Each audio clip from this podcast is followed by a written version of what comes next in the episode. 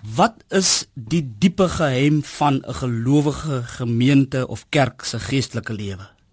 Of wat is die oorsprong, die bron van elkeen se geloof? Hoe hanteer u 'n krisis? Die van die kinders en die werk, finansies, huwelik, siekte en sovoorts. Dink so 'n bietjie na daaroor. Ek het weer 'n Psalm gekies want kollegas van die NG Kerk skryf in hulle boekie die wonder van gebed, psalms opgetrapte paadjies na God toe. Hulle skryf dat baie van ons gebedsukkelaars is.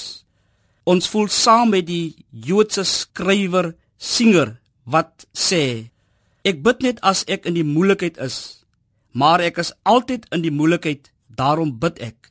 Ja, deur die eeue heen wil ek met my kollegas saamstem, het die psalms baie gehelp vir mense in nood en in watter omstandighede ook al.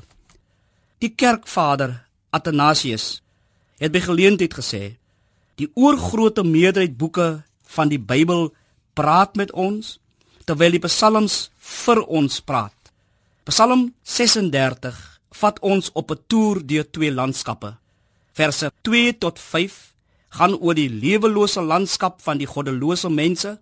Hierdie landskap is gekenmerk deur diegene wat dit bewoon, hulle wat in opstand teen God kom, hulle wat kwaadwillig is, hulle wat leuns versprei, hulle wat selfvoldaan is en vol van hulle self is. Verse 6 tot 11 handel weer oor 'n sondige, weelige landskap, die landskap wat gekenmerk word deur diegene wat dit bewoon en wat die goeie sorg van die Here ervaar.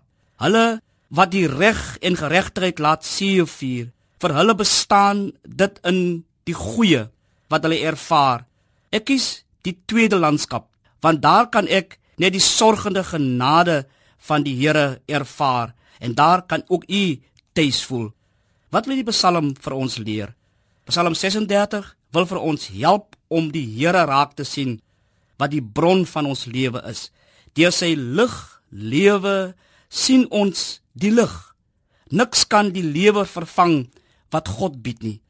Al ervaar u ook En al hoor jy ook stemme uit die landskappe van die goddelose wat jy van koers wil bring, wil die glans van God se liefde vir ons omstraal en met ons op pad hou.